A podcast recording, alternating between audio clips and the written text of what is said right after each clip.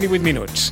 El dilluns saludàvem, recordaran vostès, la conversa que van mantenir amb Jordi Martínez, el president de la Unió Esportiva Sitges, sobre la possibilitat que havia sondejat el club de poder jugar els partits de la fase d'ascens a primera catalana, quelcom històric per la Unió Esportiva Sitges al llarg de tota la seva història, i poder-lo jugar al camp polivalent de Pinsbens.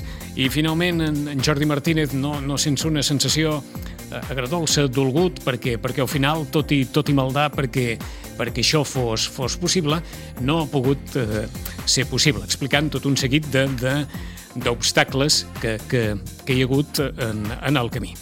Volíem, per tant, saber o volíem conèixer la, la resposta a tot plegat. Ahir ja ho saben que varen tenir la conversa amb, amb els responsables d'aquest eh, congrés vinculat amb els trasters. Avui sí que podem tenir aquella conversa per poder una explicació des de la regidoria d'Esports sobre el que ha viscut la Unió Esportiva Sitges i sobre el per què no podrà jugar aquesta fase d'ascens a primera catalana al camp polivalent de Pinsbens. Regidor Jaume Monasteri, bon dia i bona hora. Bon, bon dia. Ara no sé si començar per preguntar, perquè com que eh, eh, en el rerefons de, de tot això, al regidor li consta que, que, que la gestió de, de totes les persones que utilitzen el camp polivalent de Pinsbens està resultant complicada en alguns moments? Bé, jo crec que el primer que hem de fer és felicitar-nos perquè la Unió Esportiva té aquest problema, o sigui, té el problema de, de, de, de participar en les fases d'ascens. Vull dir, això hem de, hem de ser el primer que hem de posar en valor, eh? perquè jo crec que ha quedat en segon, en segon pla i, i el primer que hem de fer és felicitar la Unió Esportiva per, per, per aquest èxit, perquè doncs, està fent una temporada doncs, doncs magnífica. Uh, jo he participat en, tot aquestes, en tots aquests moviments i jo crec que primer el que s'ha de fer és fer una, un, una valoració de com funciona uh, el sistema d'adjudicació dels horaris i de, i, de, i de les opcions de joc en cada una de les instal·lacions municipals. O sigui, eh, vosaltres m'heu sentit a dir fins a l'avorriment que portem un endarreriment en instal·lacions esportives de, de, de 20 o 25 anys uh -huh. que s'està intentant subsanar a marxes forçades. I, I aquest endarreriment fa que hi hagin problemes com aquest. Eh, per això s'ha fet el, el, el, el nou Santa Bàrbara, el polivalent, s'està ja en la fase de, de rebre els projectes del nou, uh, del nou Aiguadols. Jo els hi vaig posant noms perquè tots ens puguem anar Sí, entenent, sí, eh? sí. Anem, perquè, eh, eh, faig, faig aquí una, una petita matisació. Bé, matisació. Ho, ho dic perquè, perquè tothom li quedi clar. El, el camp polivalent de Pinsbens no és de ningú, és polivalent. No, no, totes les instal·lacions municipals... Són de tothom. Eh, són del, de l'Ajuntament. I a partir d'aquí, com a Ajuntament, doncs són de tots els sitgetans i sitgetanes. Aclarit. Eh? eh? Perquè això, això és el primer que hem de tenir tots, tots molt clar. I veure, i no tindrien cap sentit si no tinguéssim les, instal·la... si no tinguéssim les entitats esportives. I això vagi per endavant. Eh? Evidentment. Eh? Jo sempre poso, poso en valor que l'important són les entitats, que al final una instal·lació val uns diners, però que crear una entitat no es pot crear amb diners. L'has de crear amb la il·lusió, l'empenta i la feinada que té darrere doncs, per part de directives, d'entrenadors, entrenadores, de, de, de, de, de famílies, de tot això. Ho dic perquè de moment, de moment, des del punt de vista oficial, el camp de Pinsbens és el camp polivalent de Pinsbens? Mm -hmm. Sí.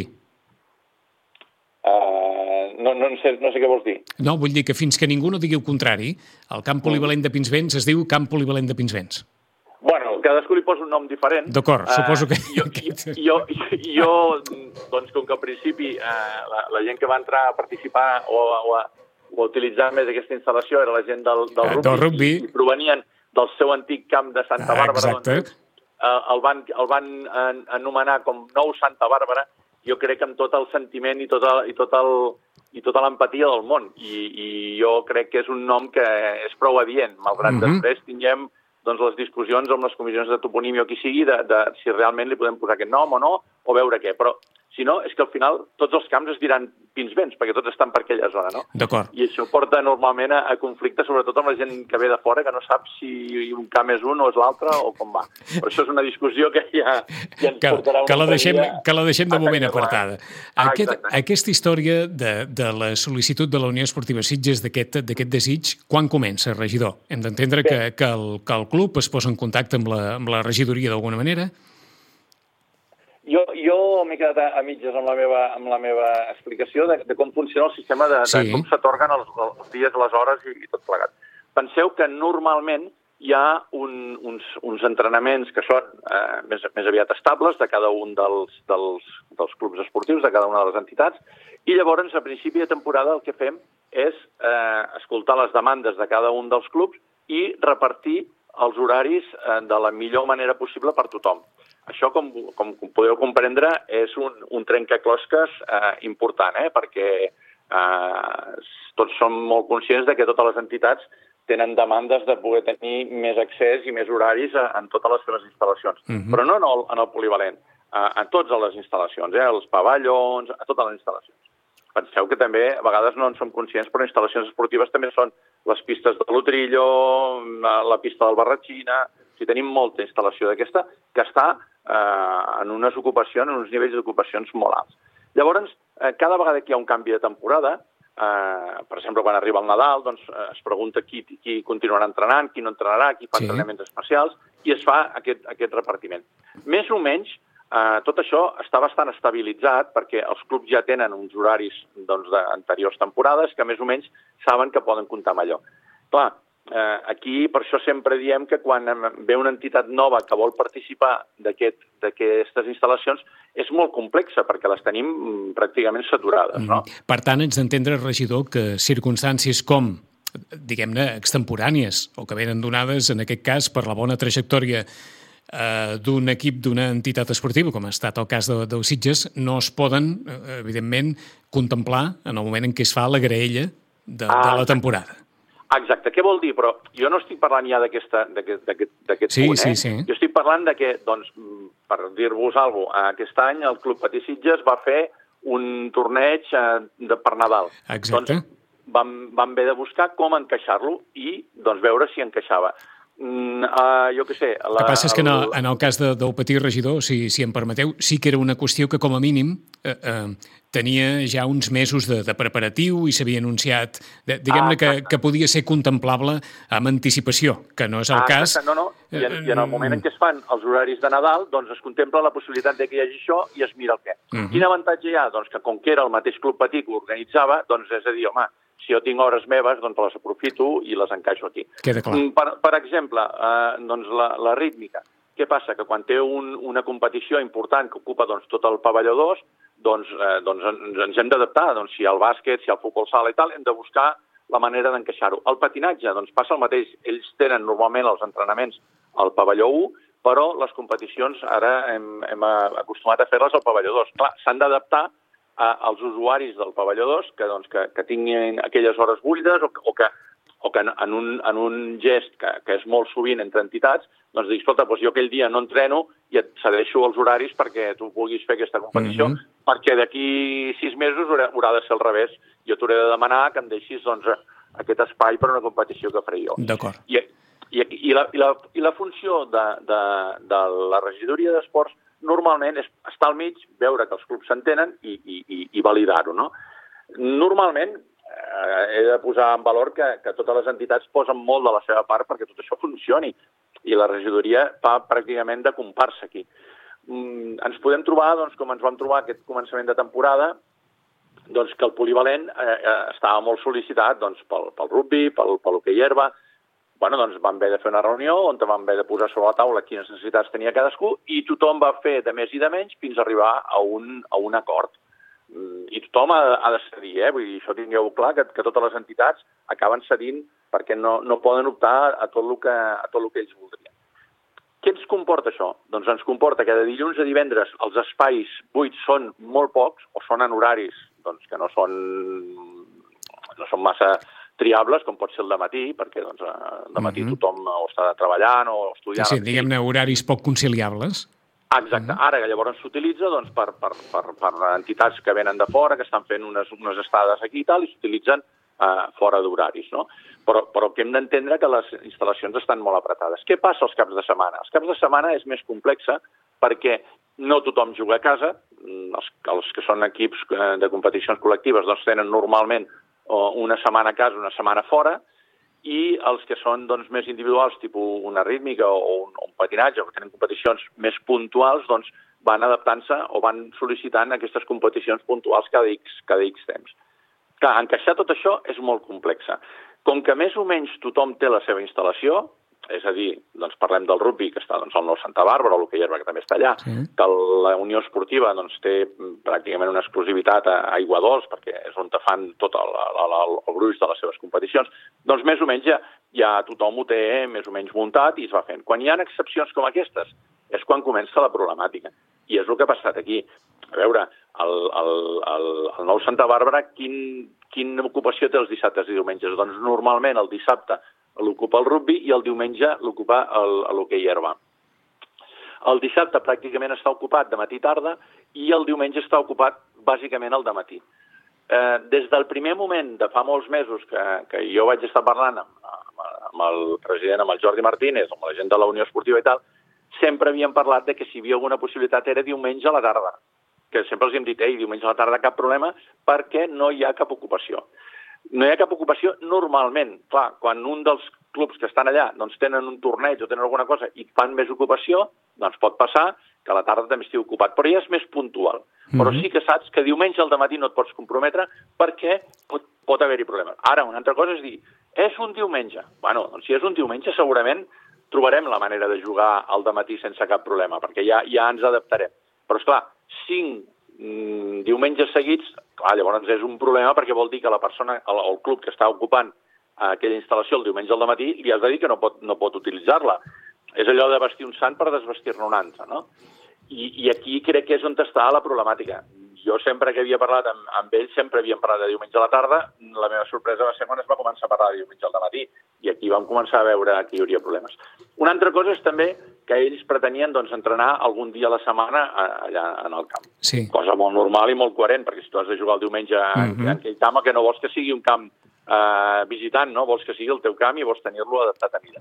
Això era més problemàtic, però buscant entre el rugby i l'hoquei herba doncs vam trobar que hi havia uns dies que es podien utilitzar i amb uns horaris doncs, que no eren els més bons del món, però que, que, que tothom eh, doncs, posava de la seva part i que, que, que, que es podrien adaptar.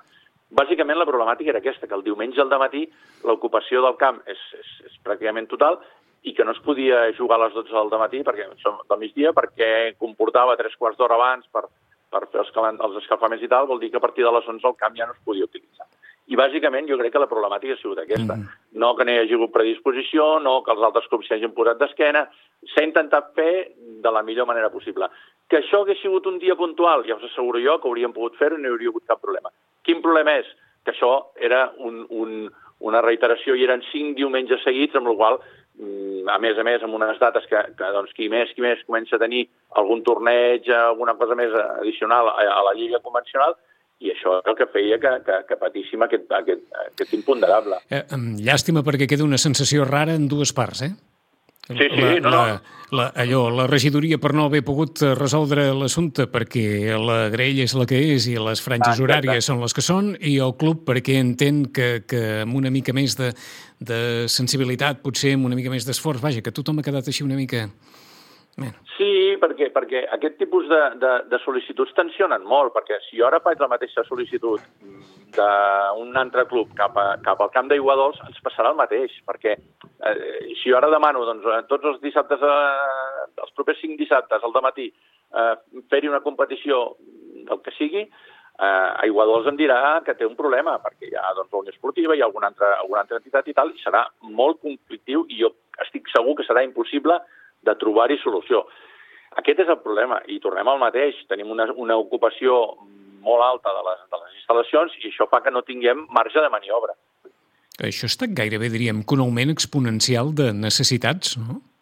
Perquè ens comentaven també, el, el, el bàsquet l'any que ve tindrà un munt d'equips nous que, que, que, que haurà d'encaixar. La, la rítmica que també va, va com Josep i Maria en espera de, de que es pugui ja acabar de, de resoldre aquesta qüestió de bé, a Santa Bàrbara de poder tenir aquest, aquest espai tant per, per castells com per sí, sí, sí, la gimnàstica rítmica. Hi ha una demanda extraordinària d'espais de, de, per, per l'activitat esportiva per, per sort, sí, sí, no, i perquè tant. altres pobles estan intentant fomentar l'esport eh, formatiu i no se n'en surten i nosaltres tenim la sort que tenim unes entitats mm, hiperactives i que, i que ens, donen, ens donen tota aquesta, tota aquesta formació. No? A veure, eh, em sembla que, que, que, que des de, des de l'actual equip de govern hem demostrat que l'aposta per l'esport és, per nosaltres és prioritària, però tenim els timings que tenim i tenim les possibilitats que tenim. Eh, per posar-ho en valor, doncs, hem estrenat el nou Santa Bàrbara, hem estrenat un Cruyff Court, hem ampliat pistes de petanca, hem, hem fet tota una sèrie de moviments, hem fet el, la reforma del pavelló 2, de Pinsbens 2, el sostre i el, i el terra, o sigui, nosaltres anem a marxes forçades. Tenim en aquest moment a punt de rebre els, els projectes que, que participaran en, el, en la redacció del, del, del tercer camp de futbol, del que anirà entre el polivalent i el nou Pinsbens. Eh, tenim el, el preprojecte ja del nou pavelló poliesportiu eh, amb tres pistes per, per això. Tenim l'equipament de Santa Bàrbara, tenim eh, el, la proposta de fer un cobriment a les pistes de l'Oterillo per poder també tenir tot això. És que és veritat, tenim totes aquestes necessitats i el problema és que durant 20 anys no s'ha fet aquesta projecció, tothom tenia molt clar això i no, i no, i no s'ha fet. I ara ho hem de fer a marxes forçades. I jo sóc el primer que m'heu sentit cada vegada dir això. I, i, i, i per exemple, un, un, un, un botó que es diu, no? Eh, quan es fa l'estudi de, de viabilitat del tercer pavelló, la Diputació el primer que ens diu és hem de fer un estudi de viabilitat perquè, clar, vosaltres dieu que creieu que tenim aquesta necessitat, sí. però, però ho hem de demostrar. Doncs quan ens entreguen el pla de, viabilitat, el, el pla de viabilitat, què ens diuen? Diu, és que no hauríeu d'estar fent el tercer, hauríeu d'estar fent el quart. Sí, aquí et demostra on està l'endarreriment. Sí, sí, sí, per sí. això aquest nou poliesportiu que volem crear no és una pista sola, sinó que és una pista central gran, eh, que es pugui dividir en tres, eh, com està en aquest moment Pinsbens 2, una altra pista addicional eh, coberta i una tercera pista exterior. Per què? Perquè hem de donar sortida a tot això i, i creiem que en el moment en què ens hi posem ens hi hem de posar ben posats on i hem d'anar cap aquí. On estaria aquest poliesportiu, regidor? Uh, a veure, el terreny on hi haurà els equipaments municipals, um, per dir-ho així, on estava els concerts de barraques. Sí, allà. Doncs al final de tot, que hi ha un parc infantil, sí. com si estiguéssim tocant a Vilanova, per dir-ho així, sí. doncs a partir d'allà, que, que ens dona la facilitat de que tenim uh, un accés directe doncs, des de la recta de la Mata, doncs no hem d'entrar a Sitges quan vingui algú de fora, ens dona la facilitat que està molt a prop del, de l'IES Vinyet i de l'Escola Maria Usó, amb la qual entre setmana doncs, doncs, uh, ho poden utilitzar ells. O sigui, jo crec que, que és un espai que té totes les, totes les gràcies del món. Aquesta és la, la proposta que portem mm -hmm. nosaltres i que, i que ja hem començat a treballar, que ja s'ha fet un primer preprojecte i que ara s'està treballant en com dissenyar aquest, el projecte definitiu d'això. Per definir-ho una mica, i ja que estàvem parlant de, de, de projectes més o menys en marxa, per calendari ets d'entendre que el que vindria primer seria, en aquest cas, l'equipament per, la, per la rítmica, que és l'equipament també que ha de compartir amb la Jove de Castells? Correcte. Després vindria el camp de futbol entre el polivalent i el camp de la Blanca? Bueno, jo crec que és en paral·lel, el que passa que tot té unes, un, uns timings de construcció diferents, però sí, sí seria això. D'acord, i finalment, el que seria aquest pavelló de, de tres pistes, situat a la, a la zona de, de, la, de la plana est, de la zona aquesta, zona d'equipaments ah, de, de l'Ajuntament. Una darrera qüestió, regidor, perquè hem d'entendre que amb això segurament eh, eh, situacions com aquesta en el futur seran més, més gestionables o més resolubles. Ahir l'alcaldessa ens comentava que sembla que hi ha una llum al final del túnel per la liquidació del Consorci del Natació. Sí. Eh, és, la, és la mateixa proposta que portem nosaltres des de fa molt de temps, el que passa que el club no ho acabava de veure i nosaltres hem seguit treballant amb això i en aquest moment jo crec que estem en una fase molt avançada per sobretot mm, el que sempre hem demanat nosaltres, que el que no volem perdre és eh, el club.